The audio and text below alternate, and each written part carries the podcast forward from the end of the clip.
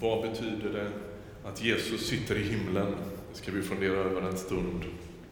Vi går till Apostlärningarnas första kapitel. Om du har en bibel i någon form med dig så får du gärna gå dit, annars så finns texten på väggen. Det är Lukas som skriver. Apostlagärningarna 1 och 1. I min första bok, Ärade Teofilos, skrev jag om allt som Jesus gjorde och lärde fram till den dag då han togs upp till himlen, sedan han genom helig ande hade gett sina befallningar åt dem som han hade utvalt till apostlar. Han framträdde för dem efter att ha lidit döden och gav dem många bevis på att han levde, då han under 40 dagar visade sig för dem och talade om Guds rike. Under en måltid tillsammans med dem sa han åt dem att inte lämna Jerusalem utan vänta på det som Fadern hade utlovat. Det som ni har hört mig tala om, sa han. Johannes döpte med vatten, men ni, ni ska bli döpta med helig ande om bara några dagar. De som hade samlats frågade honom, Herre, är tiden nu inne då du ska återupprätta Israel som kungarike? Han svarade, det är inte er sak att veta vilka tider och stunder Fadern i sin makt har fastställt. Men ni ska få kraft när den heliga Ande kommer över er och ni ska vittna om mig i Jerusalem, i Judeen, i Samarien och ända till jordens yttersta gräns. När han hade sagt detta såg de hur han lyftes upp i höjden och ett moln tog honom ur deras åsyn. Medan de såg mot himlen dit han steg upp stod plötsligt två män i vita kläder bredvid dem. Galileer, sa de, varför står ni och ser mot himlen? Denne Jesus som har blivit upptagen från er till himlen ska komma tillbaka just så som ni har sett honom fara upp till himlen. Vi stannar där. I Nya testamentet så är introduktionen till bibelböckerna viktig. När Markus inleder sin text så inleder han här börjar glädjebudet om Jesus. Och Det är som att tonen och temat liksom anges i inledningen. Och, och De första elva verserna i Apostlagärningarna 1, det vi just har läst nu då, ligger liksom till grund för resten av den här boken och egentligen för hela den kristna kyrkan i alla tider. Här får vi inblick i någonting som är helt avgörande för vad vi tror på.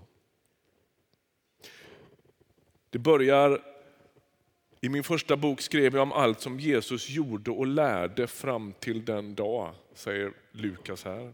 Och egentligen så är poängen här med att visa hur apostlagärningarna fortsätter berättelsen kring det som Jesus har börjat göra och lära. Egentligen så står det här att i min första bok skrev jag om vad han har börjat göra och lära. Antyder därmed att storyn fortsätter. Den kristna kyrkan liksom hämtar upp det här på något sätt och fortsätter det som Jesus har börjat lära och göra. Jesus själv agerar över hela världen genom sin ande, genom apostlarna och genom sin kyrka i alla tider. Till och med här och till och med nu. Han utlovar anden, står det i början på den här texten. Och anden ges, säger Jesus själv här, för att vi ska få kraft att utföra uppdraget. Ni ska få kraft att bli mina vittnen. Och så står de här cirklarna, Jerusalem, Judeen, Samarien och jordens yttersta gräns. Som en slags så här, mall eller, eller en, en idé, en pedagogiskt grepp för hur Lukas sen väljer att berätta sin historia. Det börjar i Jerusalem och sen i Judeen som ju är landskapet där Jerusalem ligger, Samarien och till jordens yttersta gräns. Och berättelsen liksom, har de här liksom, den här expansionen i sig. Den slutar ju väldigt abrupt, apostlärningarna, när Paulus kommer till Rom. Vi får inte ens veta riktigt hur det där slutar. Det är ju supermycket spännande som inte vi får veta. Han har vädjat till kejsaren. Man skulle ju vilja höra hur det gick när Paulus och kejsar Nero möts. Hade inte det varit värt några extra versar?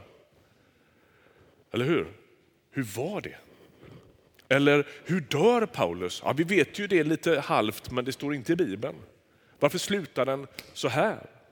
Jo, därför att alltså, världens huvudstad har nu nåtts av predikanten som berättar om Jesus. Och så är liksom anslaget till kapitel 1 eh, snos ihop på det sättet. Nu är evangeliet i Rom. Vad mer kan vi berätta? Berättelsen handlar nämligen inte om Paulus. Den handlar om hur, Jesus färdas över hela den då kända världen.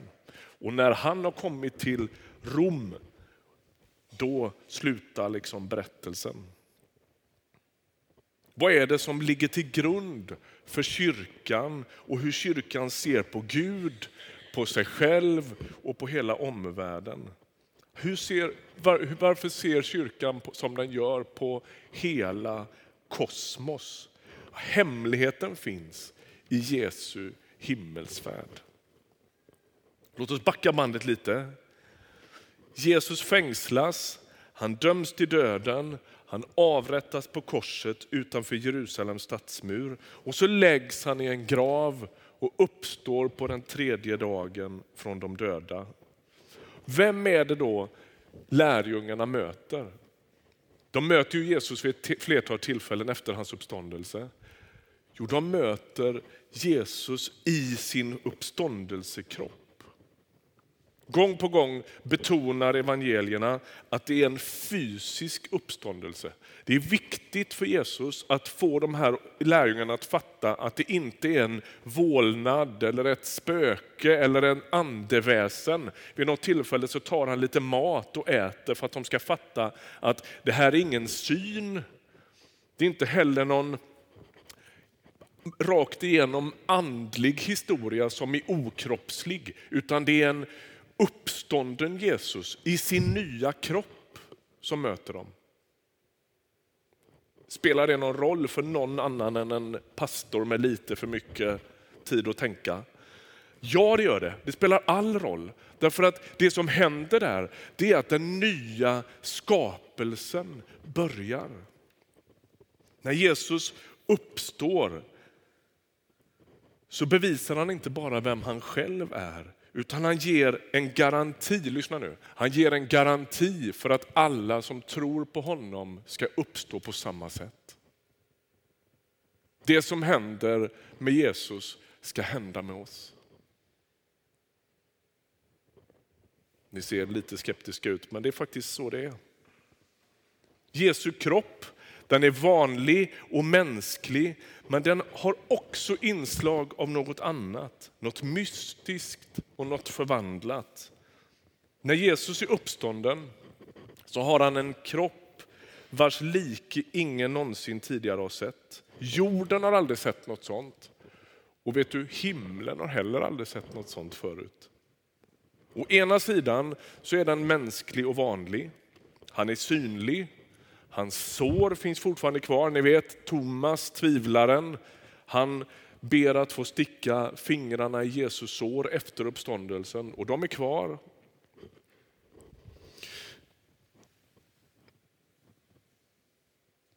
Någon misstar honom för någon annan.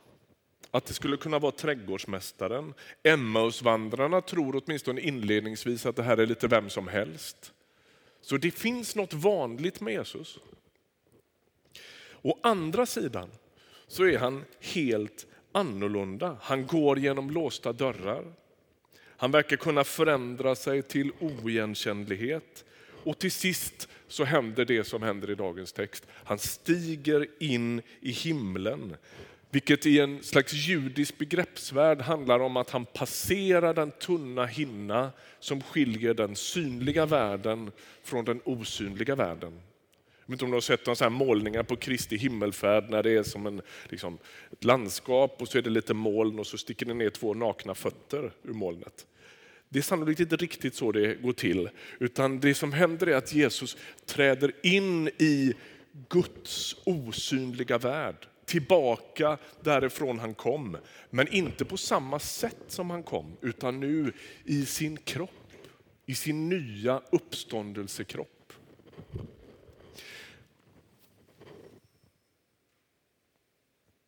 Det går som en tunn hinna mellan himmel och jord. Som om Guds värld lever alldeles nära våran värld, men ändå skild från oss. Den är osynlig. Dessutom ser vi bara små genombrott av den då och då. Ni vet, ibland ber vi för en, någon som är sjuk och så blir den människan frisk. Ibland är vi med om andra typer av mirakel. Gud erfars på ett sätt som om han, liksom, det är så verkligt, det är så påtagligt, vi vet att han är här. Och samtidigt så är det fragment från en osynlig värld. Det är inte här fullt ut än. Vi ser lite små smakprov på det. Ni vet, vi har ju talat tidigare i, i vintras om, om Herrens bön där vi ber låt ditt rike komma och låt din vilja ske på jorden så som i himlen. Här i den osynliga världen sker Guds vilja hela tiden. Och så får vi små inbrytningar av det i vår vardag.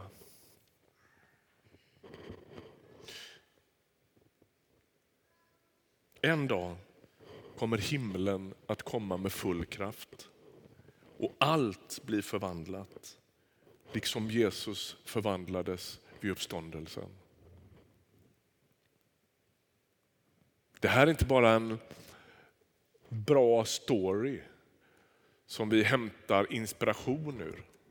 Det här är händelserna som förändrar hela, så alla förutsättningar för hela tillvaron, både den synliga och den osynliga.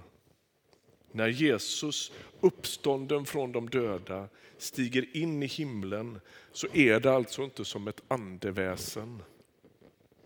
Han finns i himlen med sin kropp. Ibland har vi beskrivit Jesus som att han först var andlig och så får han en kropp och är fysisk under sin tid på jorden för att till sist bli ett, en andevarelse igen.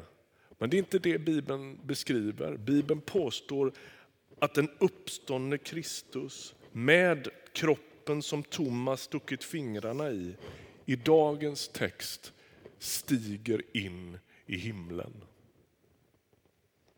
Man kan ju bara ana vad som händer. Alltså, ni fattar ju att det här är liksom vi rör oss ju vid saker som vi inte riktigt begriper. Man kan ana vad som händer när Jesus den uppståndne, sann Gud och sann människa, kliver in i himlen. Vad händer då? Vad händer med änglarna? Vad händer med sången? Vad händer med tillbedjan? Det är obegripligt det som händer. Tidigare har Gud liksom stått och rotat i sin garderob och klätt sig i mänskliga kläder och plötsligt klivit andra vägen från den osynliga världen in i den synliga världen och blivit en människa. Och så kommer han tillbaka som människosonen. Människa och Gud på samma gång. Det är häpnadsväckande. Det är häpnadsväckande.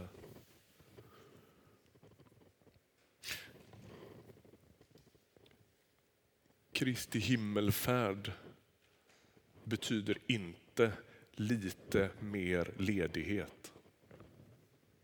Kristi himmelfärd verkar i urkyrkan vara avgörande. Ni vet vad vi läser och bekänner i den apostoliska trosbekännelsen. Jesus Kristus uppstånden från de döda, uppstigen till himmelen, sittande på allsmäktig faders högra sida. Är ni med? Alltså när tron ska definieras i väldigt koncentrerade sentenser så är Jesu instigande i himlen viktigt. Varför är det viktigt? Varför gör Lukas detta till fonden och introduktionen till hela sin historia? Jo, därför att det är ur detta lärjungarna och urkyrkan hämtar näring till vad det är de tror på. Hur man är kyrka och hur man missionerar. Den engelske teologen Tom Wright han skriver det som att Jesus därmed träder in i hela tillvarons kontrollrum. Det är därifrån instruktionerna ges.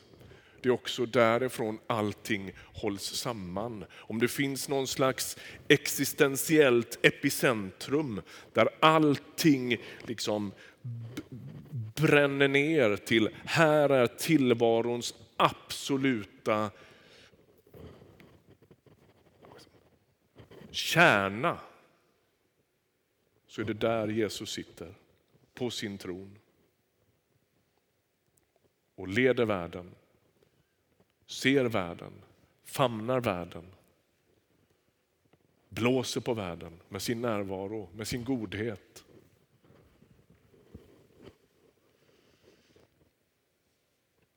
Han säger själv så här Jesus, åt mig har getts all makt i himlen och på jorden. Gå därför ut. Gå därför ut och gör alla folk till lärjungar. Döp dem och lär dem. Alltså,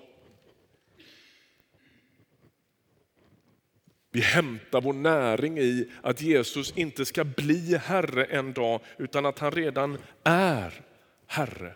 Han sitter redan på tronen. Han som är både Gud och människa, som har besegrat all ondska, djävulskap och död, sitter från den stunden vi läste om här på kungatronen, som, alltså hela universums kungatron. Det är inte så att han ska bli kung en dag, utan han är kung. Han är kung. Ja, men det känns ju inte så. Nej, jag vet. Jag vet. Det ser inte ut så. Nej, jag vet. Jag vet. Men det är Bib Nya testamentets envisa påminnelse till dig och mig. Han är den han är. Han sitter på sin tron. Jesus är i himlen, han regerar hela världen och en dag ska han komma tillbaka och fullborda det.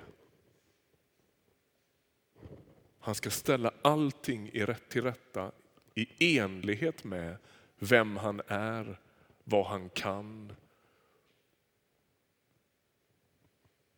Hela världen ska en dag harmoniera med vem Jesus är.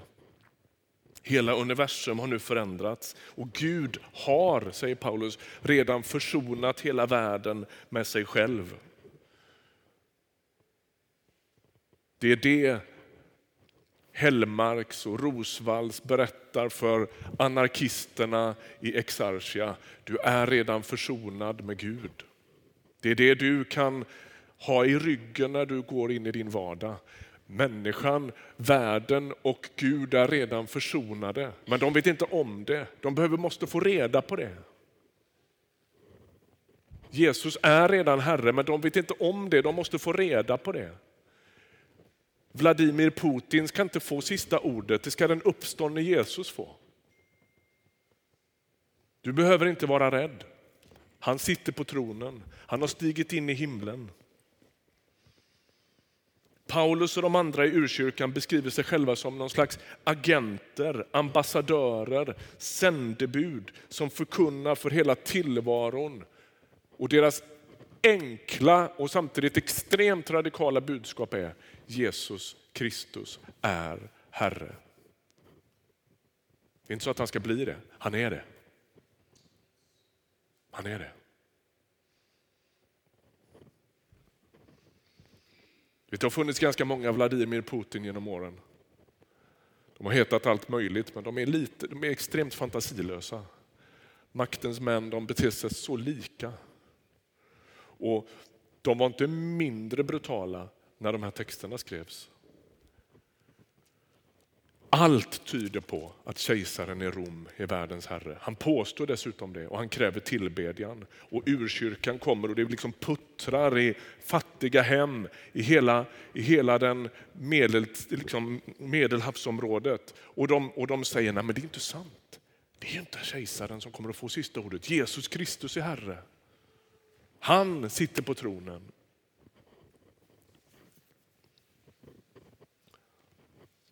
Och när Jesus träder in i himlen, det verkar ju så dumt, varför är han inte kvar? Vad praktiskt det hade varit om man hade sett honom. Tänk om alla skulle få göra som Thomas och sticka sina fingrar i Jesus sår, skulle inte det bli bättre? Jesus säger det är bra för er att jag går bort. Därför att när Jesus träder in i himlen så är han därmed närvarande överallt. Den som är i himlen kan därmed kan vara närvarande överallt på samma gång. Jesu himmelsfärd visar att Guds rum och vårt rum inte är långt ifrån varandra. De är två separata. De har två olika identiteter, dessa rum, men de berör varandra och möts redan på massor av sätt. Låt oss läsa från Hebreerbrevet 4. Vi vet ju inte vem som har skrivit Hebreerbrevet. Det är en hemlig författare. Och kapitel 4 så skriver vederbörande från vers 14. Och vi kommer in i ett ganska avancerat resonemang om att Jesus är den nya översteprästen. Den som går in med försoningsgåvan in i det allra heligaste. Och så står det så här, när vi nu har en mäktig överstepräst, alltså Jesus då, som har stigit upp genom himlarna, Jesus Guds son. Låt oss då hålla fast vid vår bekännelse. Vi har inte en överstepräst som är oförmögen att känna med oss i våra svagheter, utan en som har prövats på alla sätt och varit som vi, men utan synd. Låt oss därför frimodigt träda fram till nådens tron för att få förbarmande och nåd i den stund då vi behöver hjälp. Jesus sitter på Faderns högra sida. Och det han sitter på kallas för nådens tron. I de här dagarna som vi lever i nu, med krigets, fruktans, osäkerhetens och våldets troner, så är det noterbart var Jesus sitter. Han sitter inte på fruktans tron. Han sitter inte på föraktets tron. Han sitter inte på tronen där man gör allt för att döma ut människan. Han sitter inte på åklagarens tron. Han sitter på nådens tron. Han har delat all vår mänsklighet och gått in i världens mörker och kamp fullt ut. Det är till honom vi sjunger. Det är till honom vi ber. Och ändå är det så att Jesus är närvarande och frånvarande på samma gång. Och Man kan ju tänka i sina sämre stunder, blir det inte bättre än så här? Jo, det kan du ge dig på att det blir. En dag så ska den där lilla tunna hinnan försvinna. Och så ska vår värld och Guds värld gifta sig med varann. Så ska de förenas. Jesus kommer tillbaka och allt det som finns i den här osynliga världen ska fullt ut genomsyra den synliga världen. Då kommer din kamp att vara över. Du som är sjuk. Du som lider över de brustna relationerna. Du som kämpar med extrema begränsningar. Den dagen gifter sig Guds värld med din. Allt ska bli helt.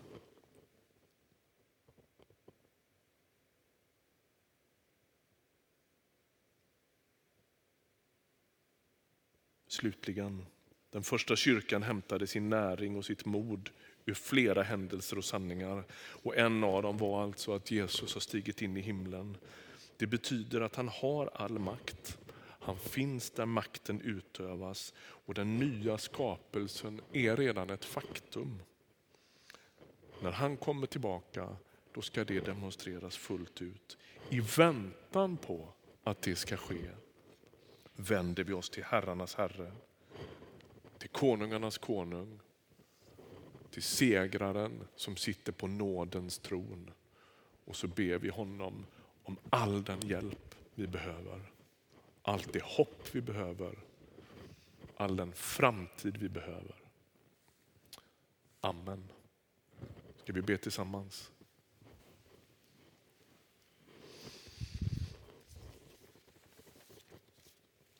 Herre, vi tackar dig för att du är den du säger dig vara. Tack att du sitter på nådens tron. Tack att du vet vad det är att vara människa. Nu kommer vi med våra liv inför dig. Med vår värld. Med allt det som vi har. Segrar, glädje, förväntan. Allt som är kul. Vi kommer också med det som vi skäms för, det vi sörjer, det vi nästan inte orkar hantera. Och så ber vi till dig som sitter på nådens tron, förbarma dig över oss.